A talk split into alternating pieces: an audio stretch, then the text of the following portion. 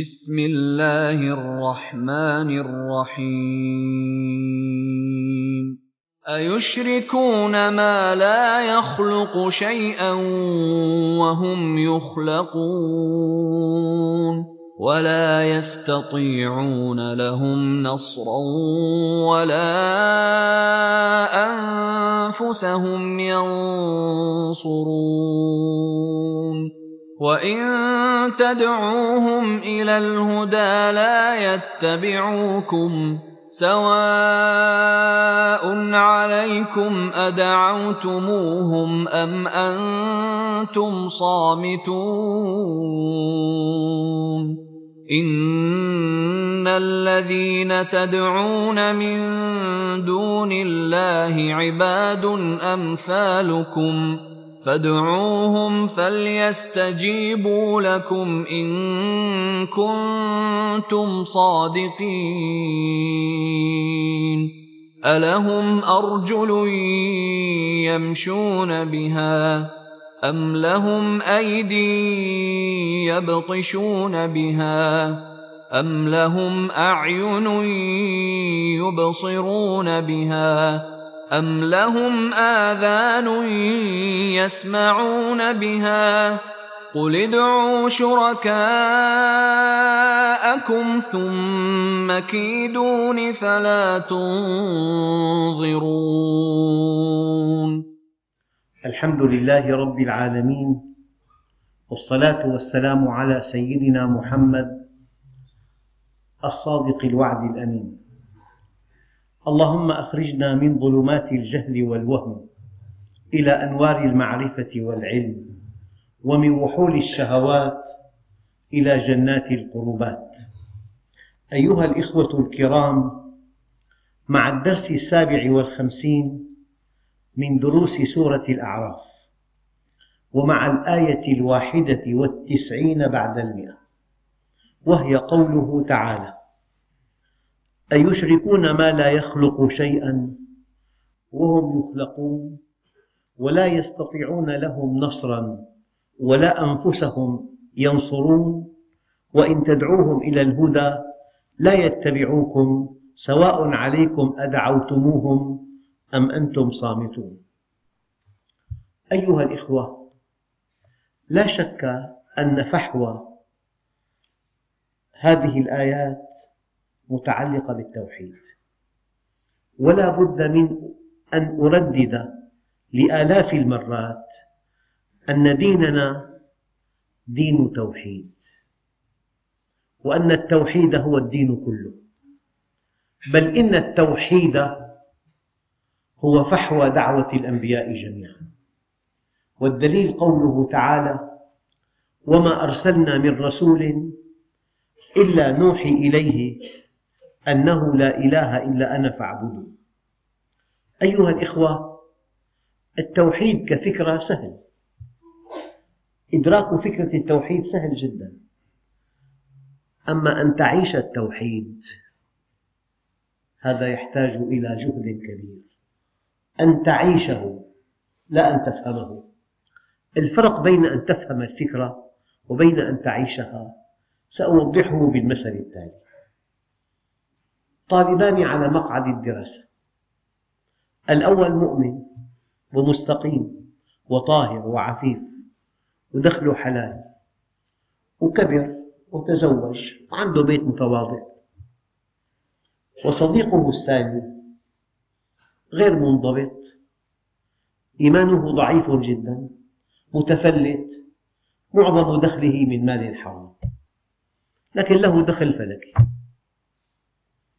بيت فخم ومركبات وسفر وإقامة وثياب غالية وطعام نفيس الأول إذا قرأ قوله تعالى ومن يطع الله ورسوله فقد فاز فوزا عظيما. الآية واضحة تماما. لكن لمجرد أن يقول صديقي الغني هنيئا له. هو ما عاش هذه الآية. فهم معناها لكن ما عاشها فمرة ثانية ديننا دين التوحيد. التوحيد ألا ترى مع الله أحدا. أن ترى يد الله تعمل وحدها. أن ترى أن كل شيء وقع أراده الله. وأن كل شيء أراده الله وقع. وأن إرادة الله متعلقة بالحكمة المطلقة والحكمة المطلقة متعلقة بالخير المطلق. التوحيد أن ترى أن يد الله فوق أيديهم. التوحيد أن ترى أنه ما رميت إذ رميت ولكن الله رمى. التوحيد أن ترى أنه في السماء إله وفي الأرض إله. التوحيد أن ترى أنه ما لكم من دونه من ولي ولا يشرك في حكمه أحدا. التوحيد أن ترى إليه يرجع الأمر كله. التوحيد أن ترى أن الله سبحانه وتعالى إليه المصير. هو المعطي وحده. هو المانع وحده. هو الرافع وحده. هو الخافض وحده هو المعز وحده هو المذل وحده. التوحيد أن ترى أنه لا إله إلا الله ولا معبود بحق إلا الله. التوحيد أن ترى أن الله خالق كل شيء وهو على كل شيء وكيل. شيء فلتان ما التوحيد أن تؤمن أن الكافر مهما يكن قويا لا يستطيع أن يفعل شيئا إلا إذا سمح الله به لحكمة بالغة بالغة بالغة. عرفها من عرفها وجهلها من جهلها. التوحيد أن ترى أنه بيده الخلق والأمر. أحيانا دولة عظمى تصنع طائرة وتبيعها. الدولة المالكة للطائرة قد تقصف بها مدينة نقول صنعت في هذا البلد لكن أمرها لمن اشتراها الآن. أما عند الله له الخلق والأمر. الله خالق كل شيء وهو على كل شيء وكيل. التوحيد كفكرة سهل جدا. أما التوحيد أن تعيشه ترى بعينك قوى قوى الطغيان تقصف وتضرب وتهدم وتتبجح تتغطرس وتستعلي وتكذب. وأن ترى أن الله عز وجل سمح بهذا كله لحكمة سوف نراها إن شاء الله فيما بعد.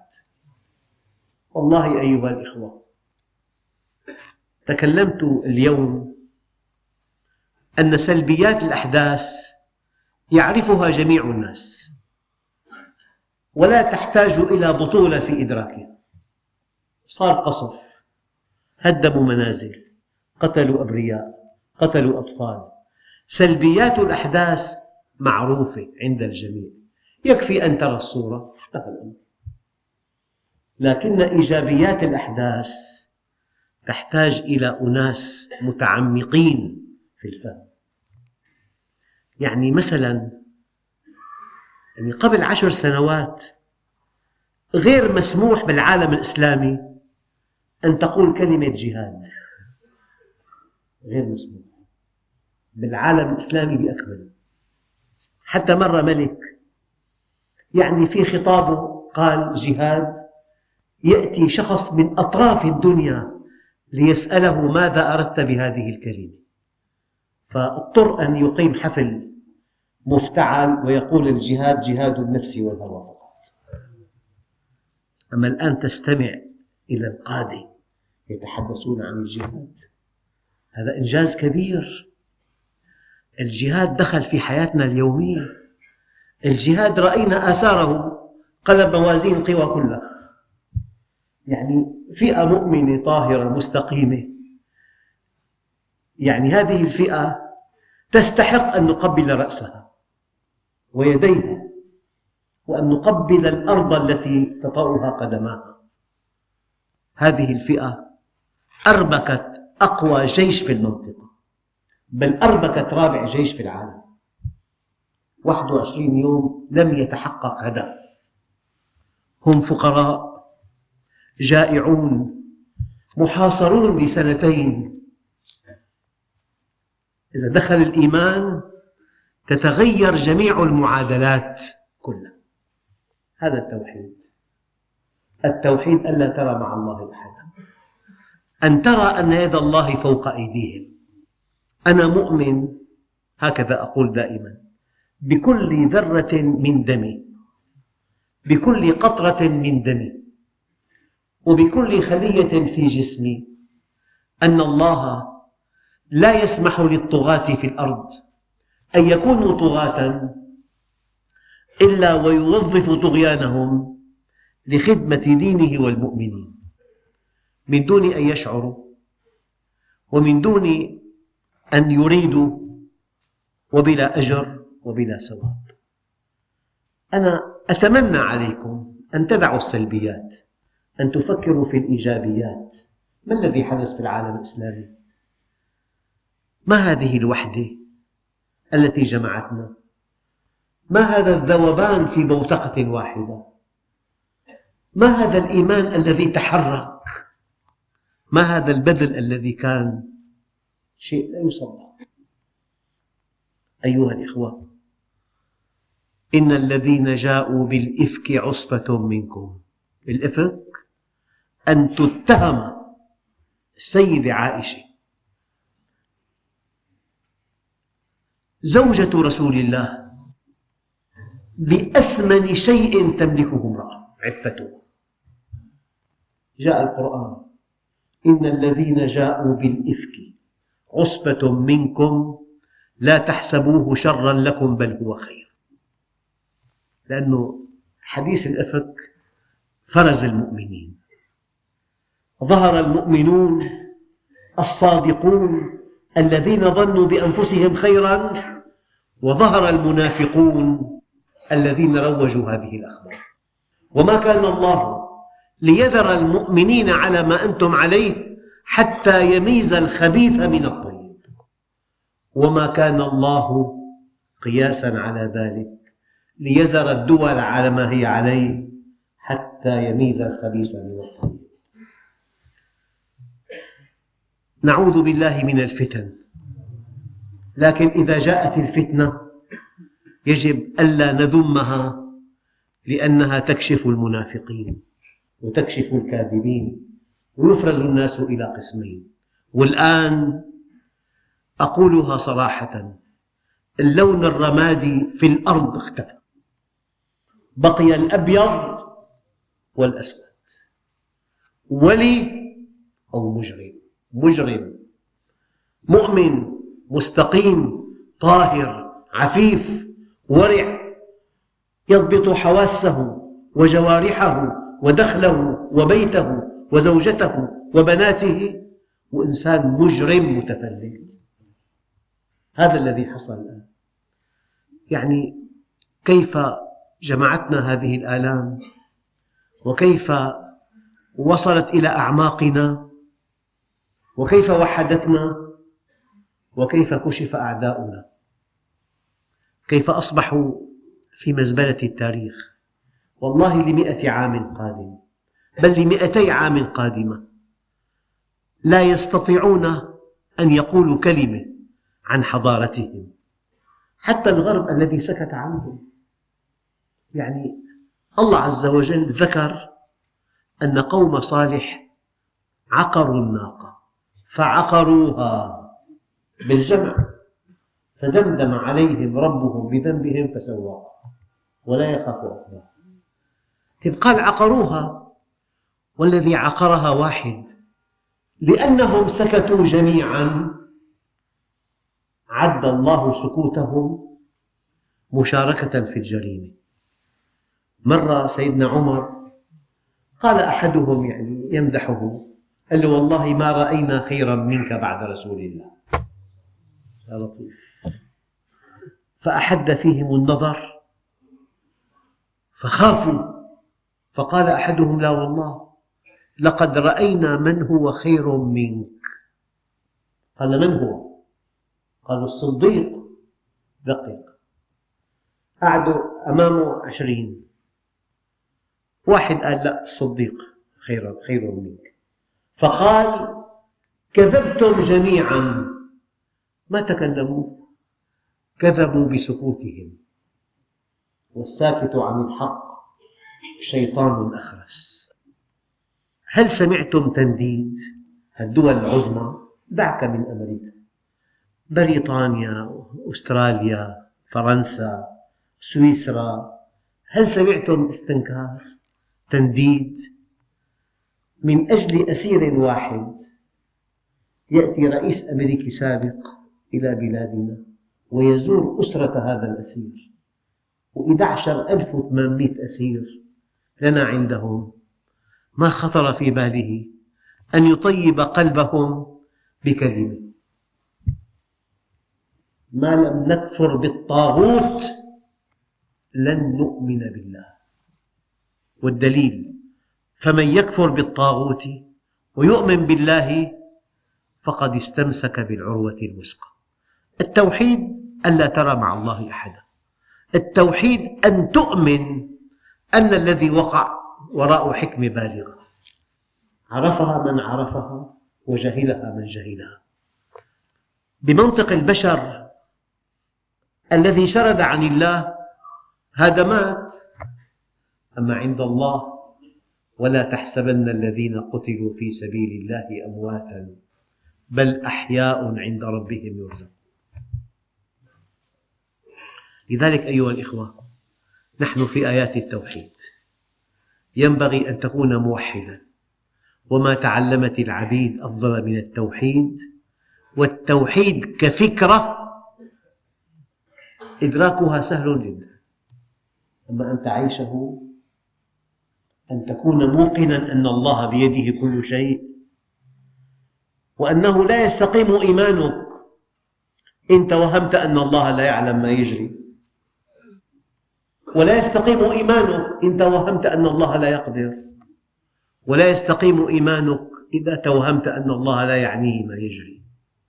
يعلم ويقدر ويعنيه وسمح بالذي وقع ليهلك من هلك عن بينة. ويحيى من حي عن بينة. ليهلك من هلك عن بينة ويحيى من حي عن بينة. فلذلك أنت حينما تعتمد على قوي من أجل أن يحميك فقد أشركت. حينما تتنازل لقوي من أجل أن تكف شره عنك فقد أشركت. هذا الذي حصل. هؤلاء الذين قعدوا عن نصرة دينهم ماذا فعلوا؟ خافوا من الأقوياء فآثروا السلام. الآية الكريمة أيشركون؟ ما لا يخلق شيئا وهم يخلقون. يعني أقوى إنسان بالأرض. لو تجمدت في أحد أوعية دماغه قطرة دم لا تزيد عن رأس دبوس يصاب بالشلل. طيب هذا القوي يعبد من دون الله. أيشركون ما لا يخلق شيئا وهم يخلقون؟ هذا مخلوق. وحياته بيد الله. واستمرار حياته بيد الله. وإمداد مقومات حياته بيد الله. هذا لا يعبد من دون الله. وأنت أيها المؤمن لمجرد أن تجير لمخلوق تحسب عليه تنتمي إليه وتنسى ربك فقد احتقرت نفسك. أنت لله. لا تكن خطيئة إنسان قوي. أيشركون؟ ما لا يخلق شيئا وهم يخلقون. أفمن يخلق كمن لا يخلق؟ لا يستوون. مخلوق يعني الإنسان مهما كان عظيما عظمته وهيبته وكيانه منوط بسيولة دمه. فإذا تجمد الدم في عروقه مات فورا. لك جلطة مفاجئة. احتشاء بعضلة القلب. سكتة قلبية وإذا نمت خلاياه نموا عشوائيا بلك ورم خبيث ما له دواء. وإذا توقف قلبه مات فورا. فالإنسان ضعيف. بثانية يكون شخصا فيصبح خبرا. لا النعوات بالطريق. أصحاب أشخاص. واحد طبيب واحد مهندس واحد عميد عميد أسرتهم. واحد له رتبة عسكرية عالية. لما أصبح اسمه على النعوة صار خبر. يعني مساء يكون مدفون وانتهى الأمر. طويت صفحته. فهذا الذي يموت يعبد من دون الله. هذا الذي يخلق ولا يخلق يعبد من دون الله. أيشركون ما لا يخلق شيئا وهم يخلقون؟ ولا يستطيعون لهم نصرا ولا أنفسهم ينصرون؟ يعني إذا كان سيد الخلق وحبيب الحق وسيد ولد آدم يقول لنا قل لا أملك لنفسي نفعا ولا ضرا.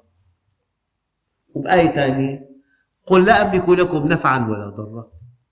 لا لنفسه ولا لغيره وهو سيد الخلق وحبيب الحق. وفي آية ثالثة قل لا أعلم الغيب. هذا الإنسان.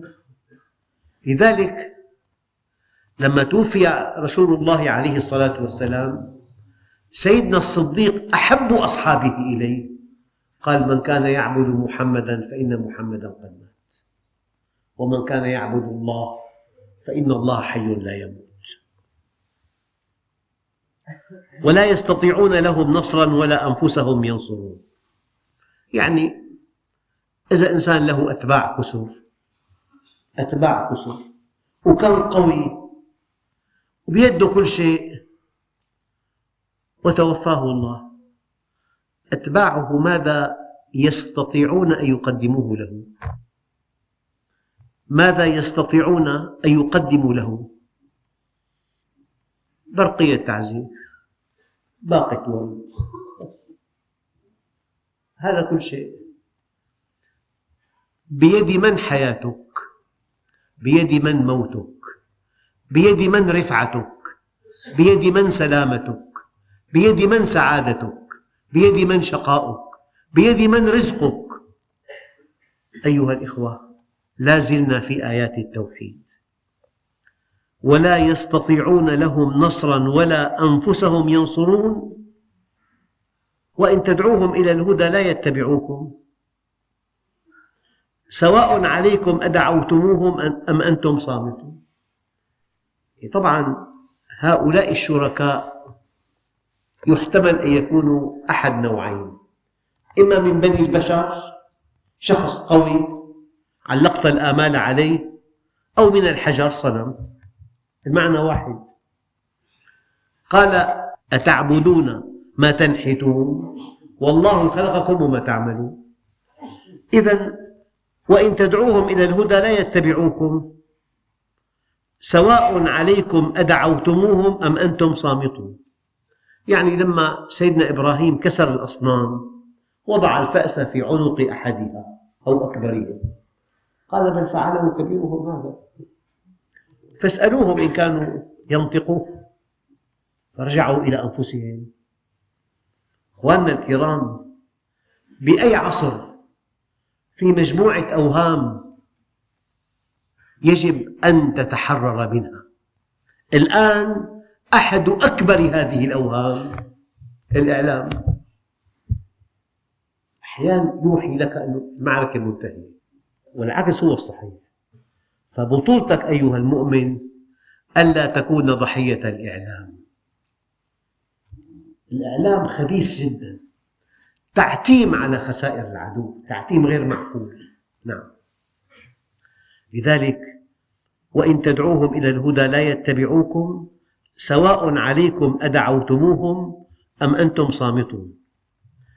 إن الذين تدعون من دون الله عباد أمثالكم. يعني شخص يخاف كما تخاف ويجوع كما تجوع ويعرى كما تعرى ويعطش كما تعطش ويتمنى أن تدوم حياته طويلا كما تتمنى. إنسان مثلك. لا يليق بك أن تكون لإنسان أنت للواحد الديان أنت لله. لمجرد أن تكون لإنسان فقد احتقرت نفسك. أنت لله. خلقت لك ما في الكون من أجلك فلا تتعب. وخلقتك من أجلي فلا تلعب.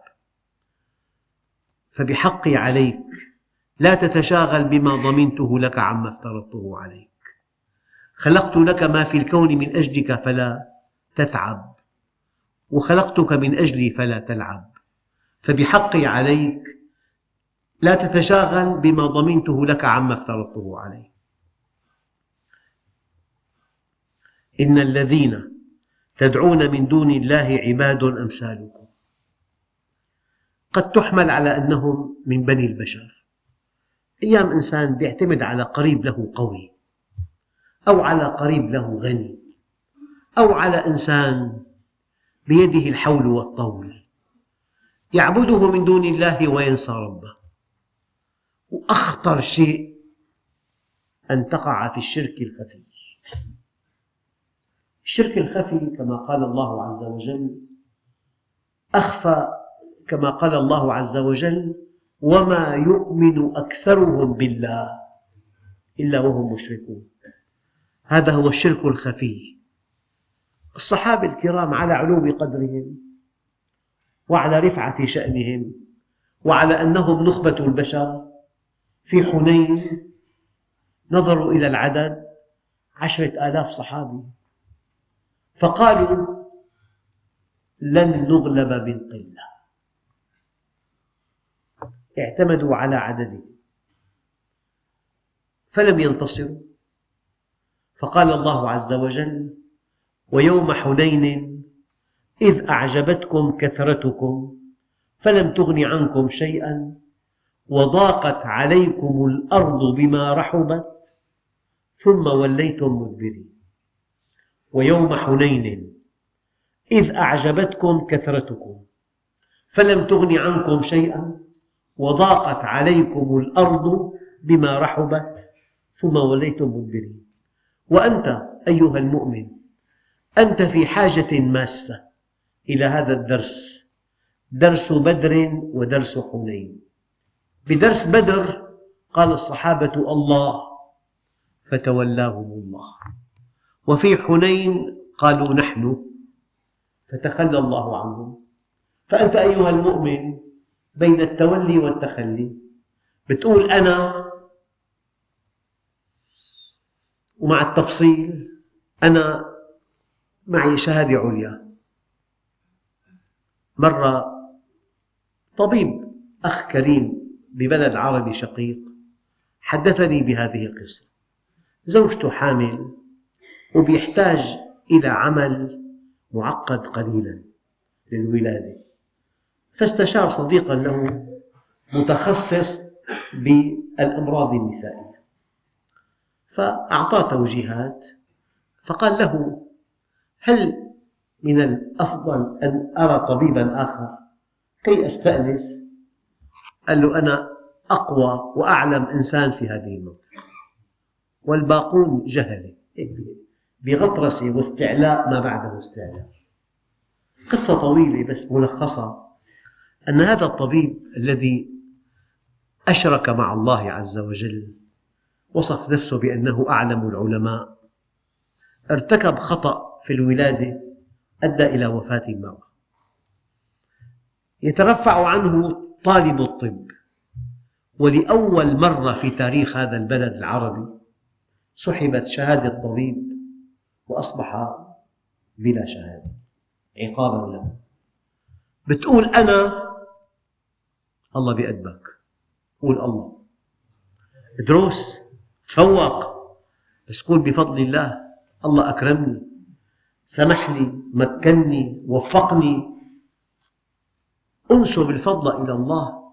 هذه الحقيقة. فإذا أعجبت بنفسك بعلمك بمالك قال الدراهم مراهم. هي آية لما حديث.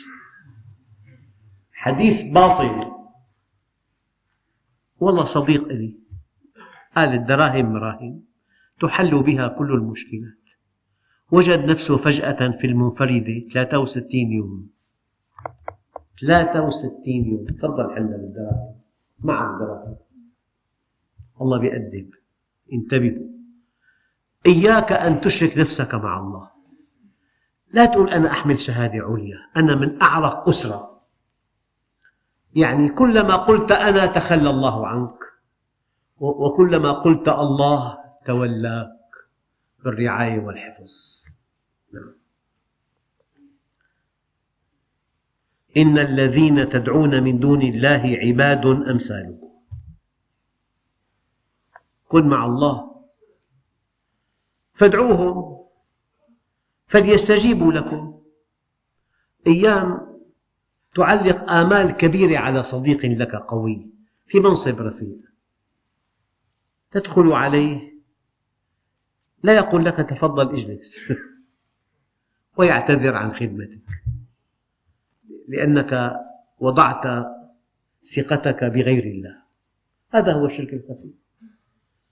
لا تعتمد على مالك ولا على جاهك ولا على نسبك ولا على حسبك ولا على أسرتك ولا على أولادك. أعرف شخص يعني عنده شاب بذل من أجله الغالي والرخيص حتى جعله في أعلى يحمل أعلى شهادة. وسافر إلى بلاد بعيدة تزوج امرأة ونسي أباه ولا يتصل به بالسنوات مرة. اعتمد عليه فتخلى عنه. لو كنت متخذا من العباد خليلا لكان أبو بكر خليل. ولكن أخ وصاحب في الله. إن الذين تدعون من دون الله عباد أمثالكم فادعوهم فليستجيبوا لكم إن كنتم صادقين. فإذا كان هؤلاء الشركاء أشخاص اعتمدت عليهم أو على وعدهم ومشكلة المسلمين الأولى أنهم اعتمدوا على القوى الكبيرة في الأرض ليحموهم لينصروهم. فأمروا عصاهم الغليظة أن تدمرهم. مستحيل وألف ألف مستحيل. أن تشرك بالله وتفوز. ومستحيل وألف ألف مستحيل أن توحده وتخسر. فلا تدع مع الله إلها آخر. فتكون من المعذبين من المعذبين. إن الذين تدعون من دون الله عباد أمثالكم. أحد خلفاء بني أمية أو بني العباس لا أذكر تماما وصل إلى بيت الله الحرام فقال أريد عالما جليلا. ألتقي به فالتقى مع عالم. قال له سلني حاجتك. قال له والله إني أستحي وأنا في بيت الله أن أسأل غير الله. فالتقى به خارج بيت الله الحرام. قال له سلني حاجتك. قال له والله ما سألتها من يملكها. أفأسألها من لا يملكها؟ قال له ما حاجتك؟ قال له أنقذني من النار وأدخلني الجنة. قال له هذه ليست لي. قال له إذا ليس لي عندك حاجة. يعني أنت حينما توحد يعزك الله. حينما توحد لا تتضعضع أمام قوي أو غني. أنت حينما توحد لا تنبطح لا تركع لا تسجد له. أنت حينما توحد لا تساوم على مبادئك. كلمة لا. سيدنا عمر جاء ملك اسمه جبلة ملك. أعلن إسلامه ورحب به عمر. أثناء طوافه حول الكعبة بدوي داس طرف ردائه فانخلع رداؤه عن كتفه. فضربه ضربة هشمت أنفه شكا إلى عمر وعمر استدعاه وجرى حوار. قال له أصحيح ما ادعى هذا الفزاري الجريح؟ دقق ملك واحد بالمصطلح المعاصر من الدهماء. من سوقة الناس من الطبقة الدنيا من هؤلاء الضعاف الفقراء. قال له أصحيح ما ادعى هذا الفزاري الجريح؟ قال لست ممن ينكر شيئا. أنا أدبت الفتى أدركت حقي بيدي. قال له أرضي الفتى. سيدنا عمر لا بد من إرضائه. ما زال ظفرك عالقا بدمائه. أو يهشمن الآن أنفك. خاطب ملك. حق. وتنال ما فعلته كفك. طبعا تعجب أشد العجب هذا الملك قال له كيف ذاك يا أمير؟ هو سوقة وأنا عرش وتاج. كيف ترضى؟ أن يخر النجم أرضا قال له نزوات الجاهلية ورياح العنجهية قد دفناها. أقمنا فوقها صرحا جديدا وتساوى الناس أحرارا لدينا وعبيدا. قال كان وهما ما جرى في خلدي أنني عندك أقوى وأعز. أنا مرتد إذا أكرهتني. قال عنق المرتد بالسيف تحز. عالم نبنيه. كل صدع فيه يداوى. وأعز الناس بالعبد بالصعلوك تساوى. أنت حينما توحد لا تخاف في الله لومة لائم. أنت حينما توحد تقول لا بملء فمك. بقاموسك في لا. تقولها بملء فمك. أما إن لم تكن موحدا يقذف الله الخوف في قلبك. تقول نعم لكل شيء. للباطل. نعم. أنت حينما توحد تؤكد مكانتك الإنسانية. أنت لست لغير الله أنت لله. إن الذين تدعون من دون الله عباد أمثالكم فادعوهم فليستجيبوا لكم إن كنتم صادقين. أما إذا فهمنا أن هذه الشركيات ليست بشرا بل حجرا تأتي هذه الآية. ألهم أرجل يمشون بها؟ يا أصلا بيتحرك أم لهم أيد يبطشون بها؟ أم لهم أعين يبصرون بها؟ أم لهم آذان يسمعون بها؟ قل ادعوا شركاءكم ثم كيدوني فلا تنظرون. يعني لك أن تعتقد أن هذا الشيء الذي أشرك مع الله إنسان قوي دولة قوية دولة طاغية قوية تلتمس رضاها مع تنازلات لا تحتمل. نعم. أو أنه صنم كما كان العرب قبل الإسلام. نعم. أيها الإخوة الكرام إن وليي الله الذي نزل الكتاب وهو يتولى الصالحين. الإيمان اعتماد على الله. الإيمان توكل على الله. الإيمان اتصال بالله. الإيمان طاعة لله. الإيمان أن تعتز بالله. اجعل لربك كل عزك يستقر ويثبت. فإذا اعتززت بمن يموت فإن عزك ميت. لا أنسى أن الحسن البصري كان عند والي البصرة أي التوحيد. فجاءه توجيه من الخليفة لو نفذه لأغضب الله عز وجل. ولو لم ينفذه لأغضب الخليفة. هذا الوالي وقع في ما يسمى بحيص بيص ماذا يفعل؟ فاستنجد بالحسن البصري قال له ماذا أفعل؟ قال له كلمة والله أيها الإخوة تعد منهج قال له إن الله يمنعك من يزيد ولكن يزيد لا يمنعك من الله الله يمنعك من أقوى الأقوياء لكن أقوى الأقوياء ما في يمنعك من ورم خبيث.